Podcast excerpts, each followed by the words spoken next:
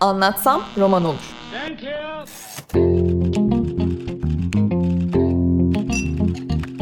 Bazı kültür sanat konuşmaları.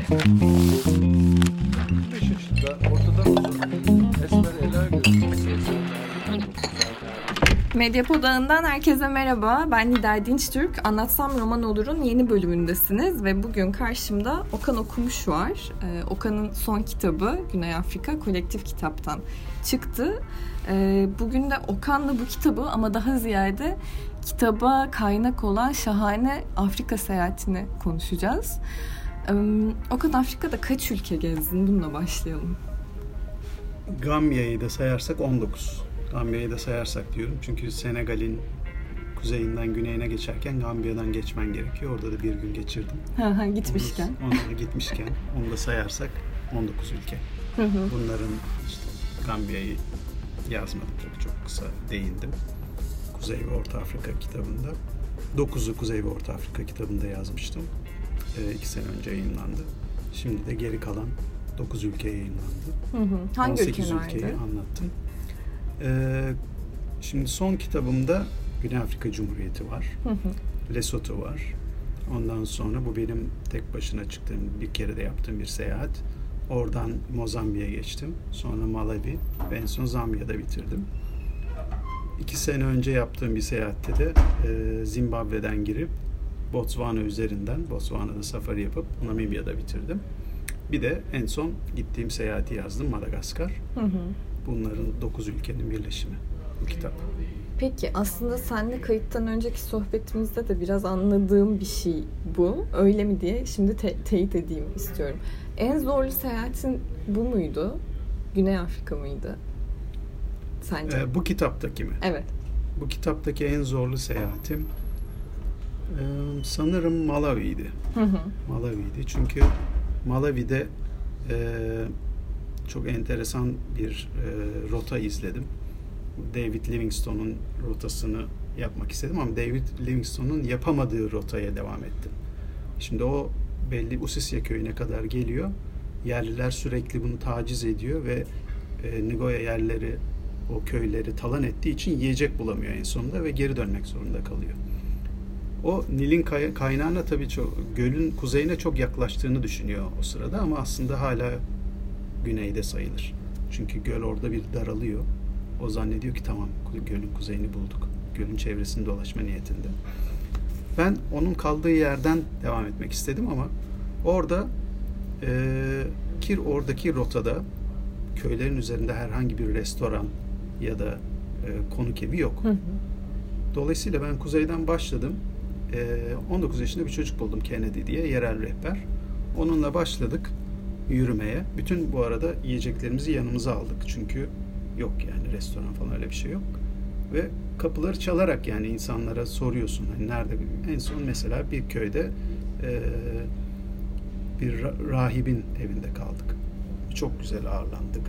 Akşam işte nehirden su taşıdılar. Banyo yaptım. Sabah kalktım baktım gene su duruyor orada. İşte tekrar işte yola zinde çıkarsın diye suyu koymuşlar. Böyle böyle devam ediyoruz ama o köylerden sadece e, yardım örgütleri geçiyor. Hı Yılda hı. bir. Dolayısıyla çocuklar falan beyaz görmüyorlar hayatlarında. Bir gün mesela bir baktım çocuğun biri böyle ağlayarak kaçışıyor önümden. Dedim acaba ne oldu yani ben benden ben mi yaptım diye annesine sordum. Herkes beni gösteriyor. Anladım ki çocuk yani hayatında beyaz görmemiş. O yüzden beni görmüş nasıl bir yaratık diye ağlıyor. Yani öyle 3-4 tane çocuk ağlattım maalesef. bu nasıl bir duyguydu? Aslında bu Ya- benim başka not ettiğim bir soruydu. Çok- Sen çok kendiliğinden garip. Evet geldin. yani o duygu bir de köylülerin mesela yola dizilip muzungu muzungu diye böyle beni hani resmen kral gibi böyle Evet. hani yan, yanlarına bir soylu gibi hissettim yani güya hani oradan geçiyorum aslında sadece ama köylü merak ediyor beyaz bir adam gelmiş ne işi var burada ve hepsi de şey diye sorar how far buradan sonra nereye kadar gideceksin yani ne amacın ne gibi bir soru bu. İşte o köylülerin oraya dizilmesi falan hani hayatta başka bir defa daha yaşayabileceğim bir şey değil yani. Evet.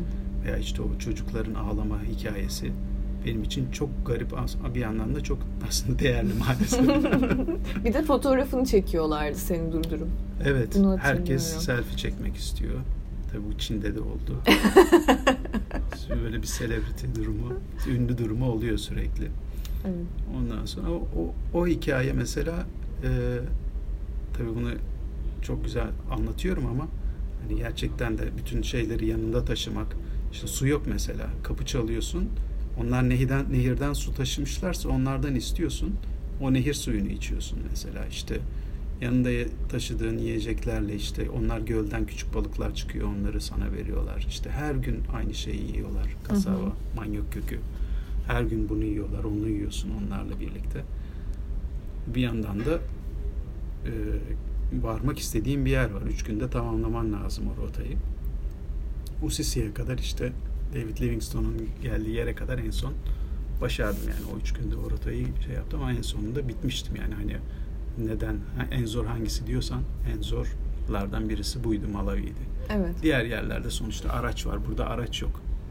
Yürüyeceksin. Hı hı. Başka araç yok yani şey de yok. E, hayvan da yok. Herkes yürüyor. Başlarında kütüklerle kadınlar yürüyor mesela yani kilometrelerce. Peki Orası. dünya turunun şimdiye kadarki e, aşamasında en zor rotalardan birisi bu muydu? Bir de yani öyle genel bir yorum yapacak olursan ne ee, düşünüyorsun? Daha zorlandığım yerler oldu tabii. En son Papua Yeni Gine'ye gitmiştim mesela. O epey zor bir rota. Hı hı. Orada da araç yok. Ee, bazen özel olarak kiralamak zorundasın. Zaten e, Papua Yeni Gine Sepik Nehri'nden o benim herhalde şu ana kadar yaptığım en güzel yolculuktu dünyadaki. Beş gün boyunca köylere uğrayarak gidiyorsun ve bir kano kiralamak zorundasın. Rehber kiralamak zorundasın. Gene işte aşçı yok, herhangi bir yerde elektriği yok, elektrik yok, su yok, yol yok. Mecburen oradan gideceksin, köylere uğrayacaksın, gene kapıları çalacaksın, kalacaksın. Ama ben bu tip şeyleri daha çok seviyorum. Birazcık daha turist kafilelerinden ben çok sıkıldım. O yüzden kitaplarımın hepsinde alternatif bir gezi rehberi diye yazar. Evet. Hepsinin başlığında. Daha çok e, insanlara alternatif yerleri aktarmaya çalışıyorum. Hı hı. Ben de çünkü öyle yerleri seviyorum. Çünkü her yer artık bitti. Yani tüketildi. Instagram e, fotoğraflarından uzak, selfie çubuklarından uzak yerleri geziyorum. Onları anlatıyorum insanlara. Hı hı. Bunlar beni daha çok mutlu ediyor. Evet aslında e, sen bu konuya değinmişken bunun üstünden devam edelim istiyorum. Çünkü turizmle seyahati ya da gezgin olmayı gerçekten birbirinden ayıran ciddi farklar var. Eskiden daha popüler destinasyonlar vardı. Fakat artık gezginlerin keşfetmek için gittiği yerler de o popüler destinasyonlara dönüşmeye başladı. Yani 5 yıl öncesinde kimse Madagaskar'a balayı için gitmeyi düşünmüyordu ama artık insanlar düşünüyorlar. Sen bir gezgin olarak bu e, turizm kavramını, seyahat kavramını nasıl değerlendiriyorsun? Bunun için neler düşünüyorsun? O son 5 yıldaki mesela, yani ben 5 yıl diyorum ama bunu Tabii bu yavaş yavaş aşama. işte hı hı. en basitinden e, eskiden Madagaskar'a gitmek sadece e, Air France'la mümkündü ve Madagaskar'ın kendi hava yollarıyla mümkündü ve inanılmaz pahalıydı. Hı hı. Mesela Türk Hava Yolları uçmaya başladı sonra bir anda yarı fiyatına uçmaya başladı ve onunla gidebildik Madagaskar'a. Yani o eski fiyatları karşılamak zaten bu destinasyonlarda çok böyle e, toplu taşıma Afrika'da toplu taşıma yaygın olmadığı için mecburen e, araç kiralamak zorundasın. Bir de o işin kendi şeyi var. Parkları gezmek falan. Bunların hepsiyle beraber değerlendirince o yolculuğa zaten çıkamıyordun. Ama şimdi her yere uçak var. Hı hı. Her yere uçak olduğu gibi bir de iç uçuşlar da var.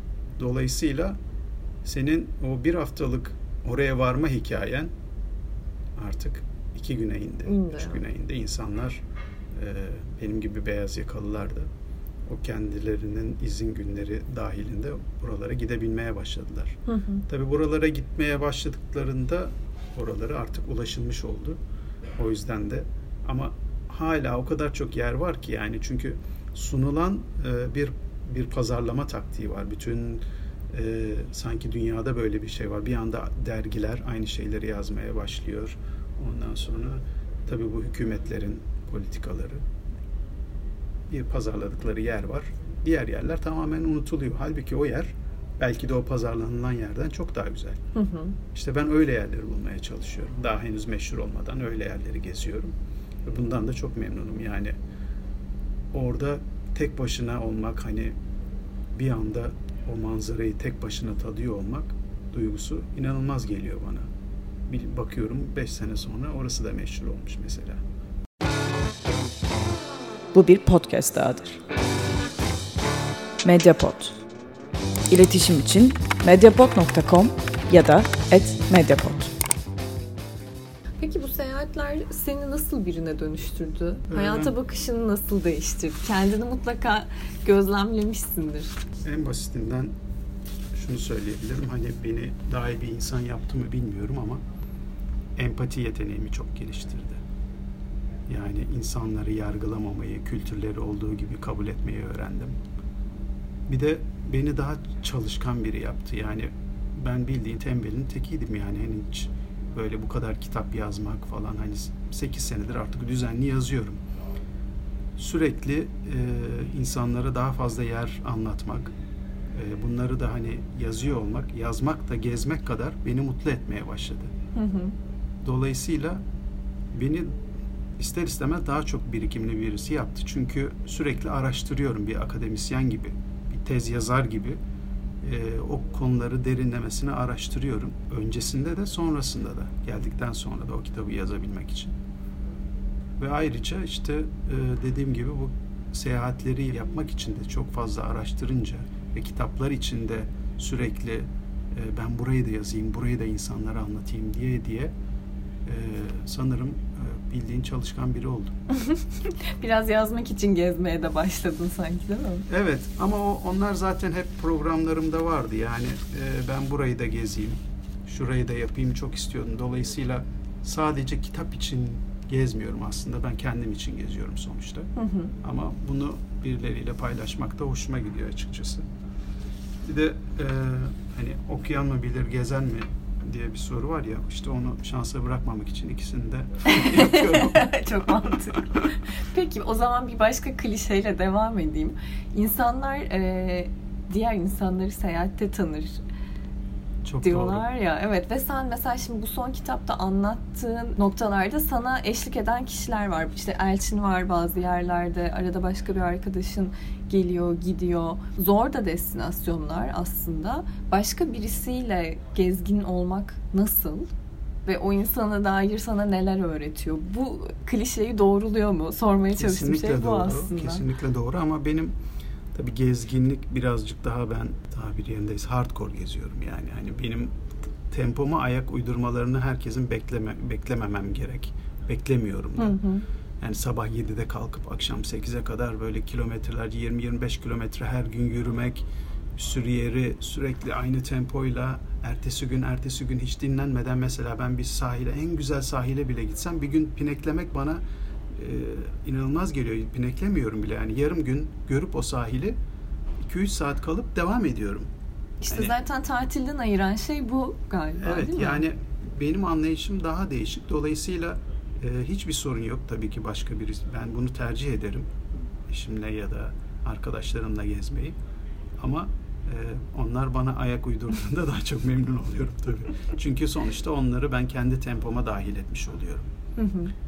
Onlar da memnunlar şu açıdan. Hani birisi onlar adına program yapıyor. işte birisi ona onlara tur rehberliği yapıyor aslında. Onları da motive ediyor. Hadi sabah kalk. Hadi şunu yapalım bak şunu da yapalım. Her şey ayarlanmış. Biletler alınmış. Aylar öncesinden konaklamalar ayarlanmış. Düşünsenize her şey ayağınıza geliyor. Onlar da o açıdan memnunlardır herhalde.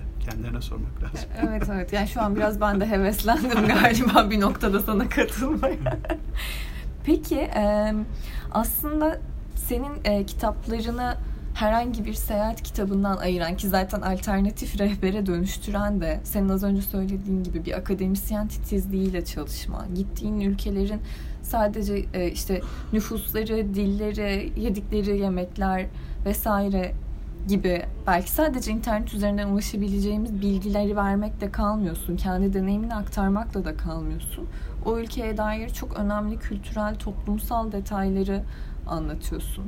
e, yani muhtemelen ben kendimden yola çıkarak söyleyeyim. Ben senin kitabını okuyana kadar bahsettiğin ülkelerde hala işte kız çocukları için bu kadar sorunlu durumlar olduğunu, eğitimin çok zor koşullarda, inanılamayacak kadar zor koşullarda devam ettiğini düşünmüyordum. E, bu anlamda senin aktardığın bilgilerin de çok önemli olduğunu düşünüyorum. Tabii bu herhalde biraz yerel rehberlerle de e, Tabii. yola devam etmenden Şimdi Afrika'da mesela nasıl oldu? Afrika'da maalesef hala e, kötü bir durum var. Böyle bir master hala hala sana master diyor mesela insanlar. Çok sorunlu bir ilişki var.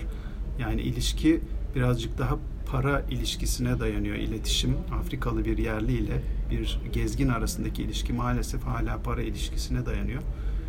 İşte ben e, tabii çünkü yokluk var yani Afrika'daki yokluk başka bir yokluk yok yani. Eğer o sene hasat iyi gitmezse bittin. Yani o senin, senin Almanya'daki akraban para göndermeyecek, şehirdeki akraban para göndermeyecek.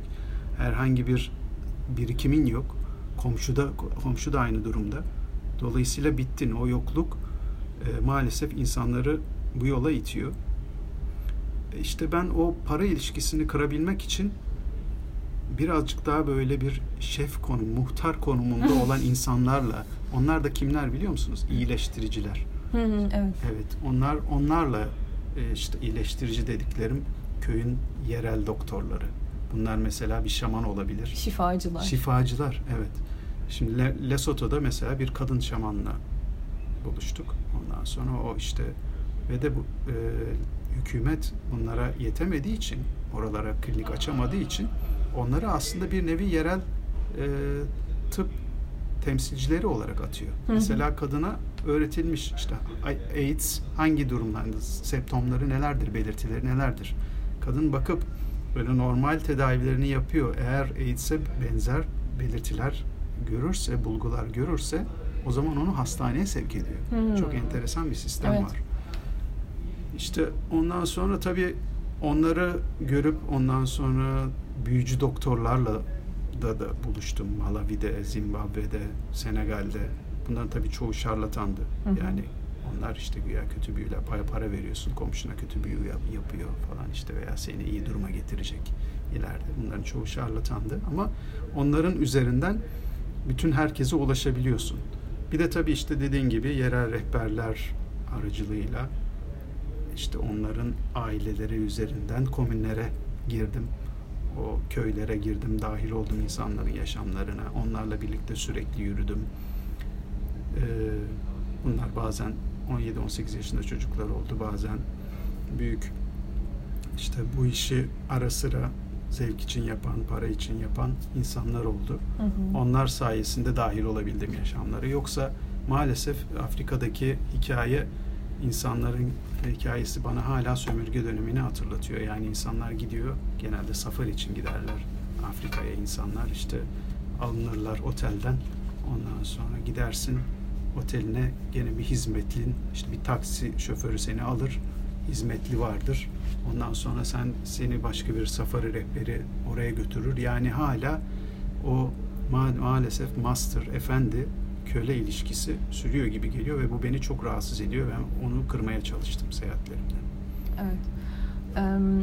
Bir de tabii ben bu kitapta en eğlenerek, senin en yorulduğun kısımlar onlar muhtemelen ama senin bir yerden bir yere ulaşma çabanla e, orada anlattığın hikayeleri çok eğlenerek okudum. Kayıttan önce de konuştuk. Şu şeyi anla- anlatır mısın lütfen? E, bir minibüste şoförün senden vites değiştirmeni istemesini.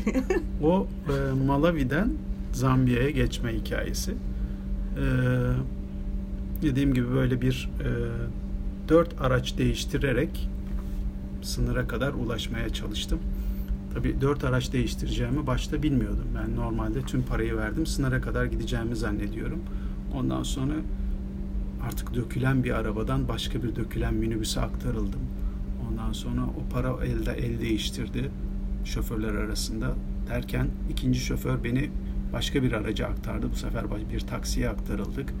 Ondan sonra o taksi artık camları olmayan, kabloları sallanan, kabloları birbirine değdirerek çalışan, ondan sonra işte öne ar- arkaya dört kişi öne beş kişi oturulan çocuklarla beraber hatta pardon arkaya beş kişi öne dört kişi ve de beni de en son şoförün yanına oturttular. Ben şoförle aynı koltuğa oturdum ve şoför doğal olarak vitesi uzanamadı ve bana rica etti. Ben orada vitesi işte bir, ikiye al, üçe al diye böyle ben bir yandan vitesi değiştirerek sınıra kadar geldik.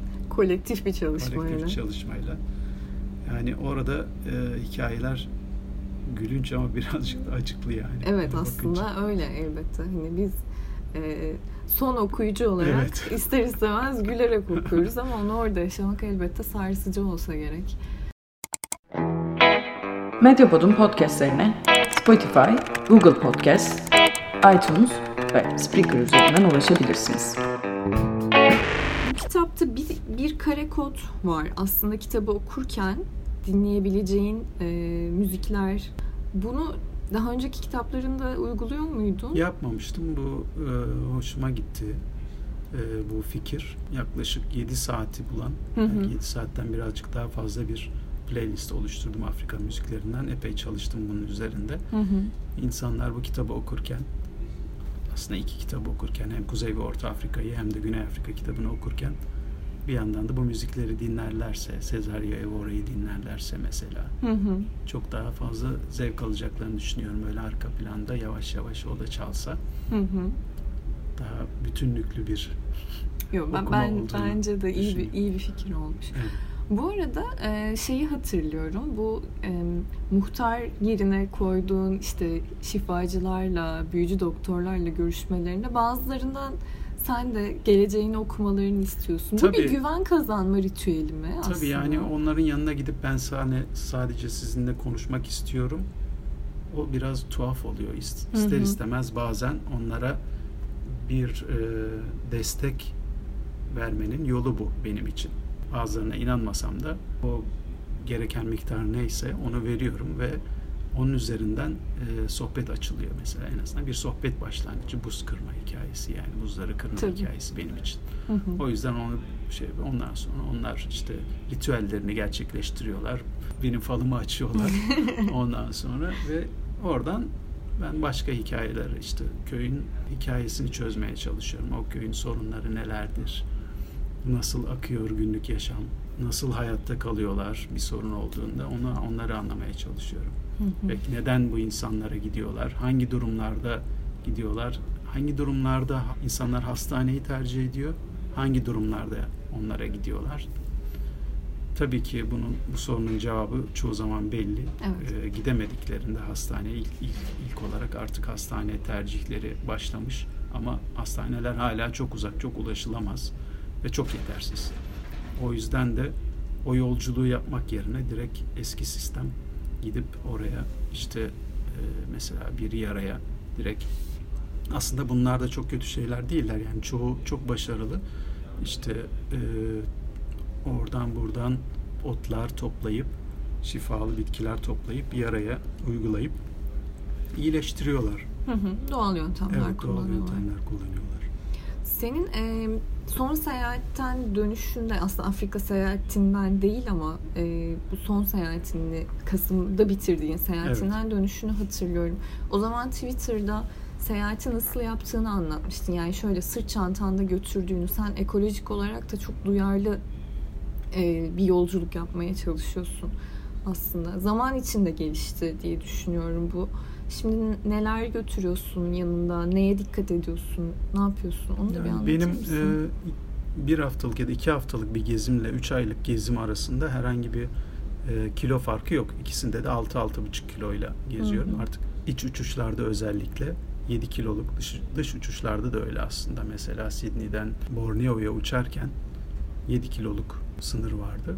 Oraya takılmadan hiç aşağıya uçağa vermeden yanımda taşıyarak hem ekonomik hem de dediğin gibi ekolojik faydası oluyor. Bunun tabii yolu çok basit. Hani bir iki haftalık şeyin işte çamaşırların ya da işte tişörtlerin hepsini 6-7 günde bir yıkatmak. Hı hı. Yani gittiğim yerler zaten çok böyle Avrupa gibi aşırı pahalı yerler değil. O yüzden oralarda hatta bazen çamaşır tozunu kendim alıp insanların çamaşır makinesinde ya da işte yıkatmaya verip 6-7 günde bir bu hikayeyi sürekli tekrarlıyorum. Dolayısıyla çok fazla eşya yanımda e, götürmeme gerek kalmıyor. Bir de ayrıca tabii şu avantajı şu gittiğim yerler genelde tropikal yerlerdi. Hı hı. Dolayısıyla hiç böyle bir sadece bir küçük kazak benzeri bir şey alarak gittim. Yani yanımdakiler sürekli 200 gramlık, 150 gram. Tabii onlarda da uzmanlaştım artık. Aldığım her tişört, her çamaşır 100-150 gramı geçmiyor. Kadar tüy gibi şeylerle gidiyorum. Evet, bir de tek bir su şişesiyle dolaşıyorsun evet, mesela. Evet, su şişesiyle dolaşıyorum. Su şişesi önemli çünkü her yerde oralarda mesela Solomon Adaları'nda, Vanuatu'da oralarda herhangi bir e, geri dönüşüm sistemi yok. O gördüğünüz maalesef videolar e, hep oralardan geliyor. insanlar direkt denize atabiliyor. Hı hı. Ya da denizi boyluyor yani en sonunda kara, karada toplansa bile öyle bir alan da yok. O yüzden e, suyu sürekli kendi e, arıtma haplarımda arıtıp gerekirse gölden, gerekirse ırmaklardan, akan sudan, yani çamur olmadıkça Hı hı. içebiliyorum. Dolayısıyla hiç pet şişe almadan, satın almadan tamamlıyorum yolculuklarımı. Medyapod'u desteklemek için patreon.com slash medyapod. Güney Afrika ile ilgili söylemek istediğim başka bir şey var mı? Güney Afrika hala bizim için e, mesela hani e, en güzel yerlerden birisi Cape Town. Hı hı. Sanırım gezdiğim Afrika'daki en güzel şehir. Orayı herkese tavsiye ederim. Oradan başlayıp e, Garden Route denilen bahçe rotası inanılmaz güzel. Ve tabii o Cape Town'da benim için hani gezginliğimin zirvesi dediğim bir yer vardı. O Bartolome Dias'ın Ümit Burnu. Yani o fırtınalar burnu demiş o ilk vardığında çünkü çok fırtına gerçekten inanılmaz. O azgın dalgaların Güney Atlantik'te vuruşu o da e, kayalıklara inanılmaz bir görüntüydü. Yani Ümit Burnu'nda ben mesela kendimi çok mutlu hissettim. Ee, orada oraya işte, mesela işte Vasco da Gama'da gelmiş gemileriyle 1498'de bir yandan Mandela'nın hikayesi Robin Evet. Adası'na gittik. Yani onların e, gözlerinden bakmak, oralarda olmak beni çok heyecanlandırıyor. Zaten gezilerimin çoğu da böyle e, büyük kaşiflerin izlerini sürerek diyorsun işte Vasco da Gam- Gama'yı sonradan Mozambik adasındaki işte uğradığı limana tekrar uğradım. Ben de oraya gitmeye çalıştım. Böyle kendime hedefler koyuyorum. David Livingstone'un dediğim gibi e, gittiği yerlere çal- gittim. Mesela işte Zimbabwe'de karşılaştım o rotayla. David Livingstone'la Malawi'de karşılaştım. E, Tan- Tanzanya'da, Zanzibar'da karşılaştım. Yani sürekli böyle kendime hedefler koyarak onların geçtiği yerlerden geçerek kendime hedef, e, yeni heyecanlar yaratıyorum. Tamam, o zaman bitirmeden herkesin aklındaki soruyu soruyorum.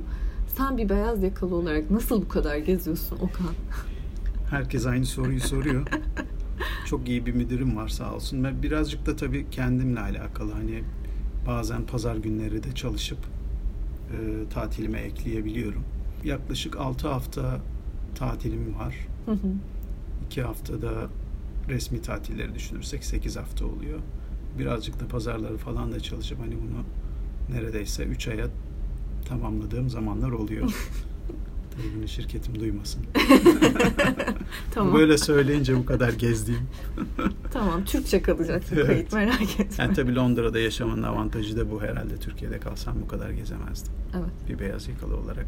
Hani iki hafta bir tatile çıkmam bile hoş karşılanmıyordu. Hı hı. Peki şimdi sırada ne var? Güney Afrika'yı okuduk. Şimdi seni Şimdi- takip edenler Şimdi nereye şu an okuyacak? Okyanusya ve Malay takım adalarını yazıyorum. Ee, önümüzdeki senenin Mayıs ayında çıkacağını umuyorum. Hı hı. Ondan sonra Hint alt kıtasını yazacağım. Hint alt kıtası 7. kitap olacak.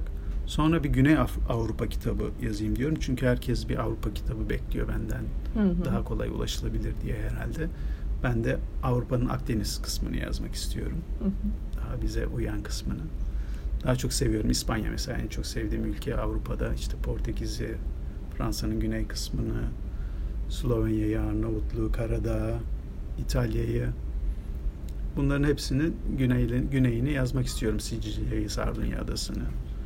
Oraları zaten çok seviyorum hani sürekli. İşte o da 8. kitap olacak. Sonra en son bir Batı Asya kitabı yazıp hikayeyi tamamlamayı düşünüyorum ve böylelikle hani tüm dünyada bütün yani bütün dünyayı aynı anda yani topluca yazmaya niyetlenen bir yazar var mı bilmiyorum. Rastlamadım ama böyle bir ilk olmak istiyorum. Tabii tek yazmayacağım yer var. Orası da Kuzey Amerika'nın kuzeyi Kanada. Hı hı. Çünkü ben e, hani İngilizlerin culture vulture dedikleri birazcık kültür avcısı denen tiplemeye daha çok uyuyorum.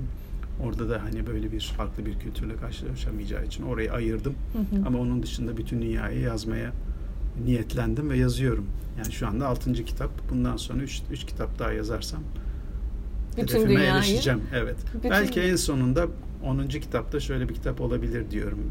Belki bir e, Birleşik Krallık ve İrlanda diye bir kitap yazabilirim en son. Hani Neden bu kadar olmasın? bu kadar yaşamışken burada 11 yıldır yaşıyorum.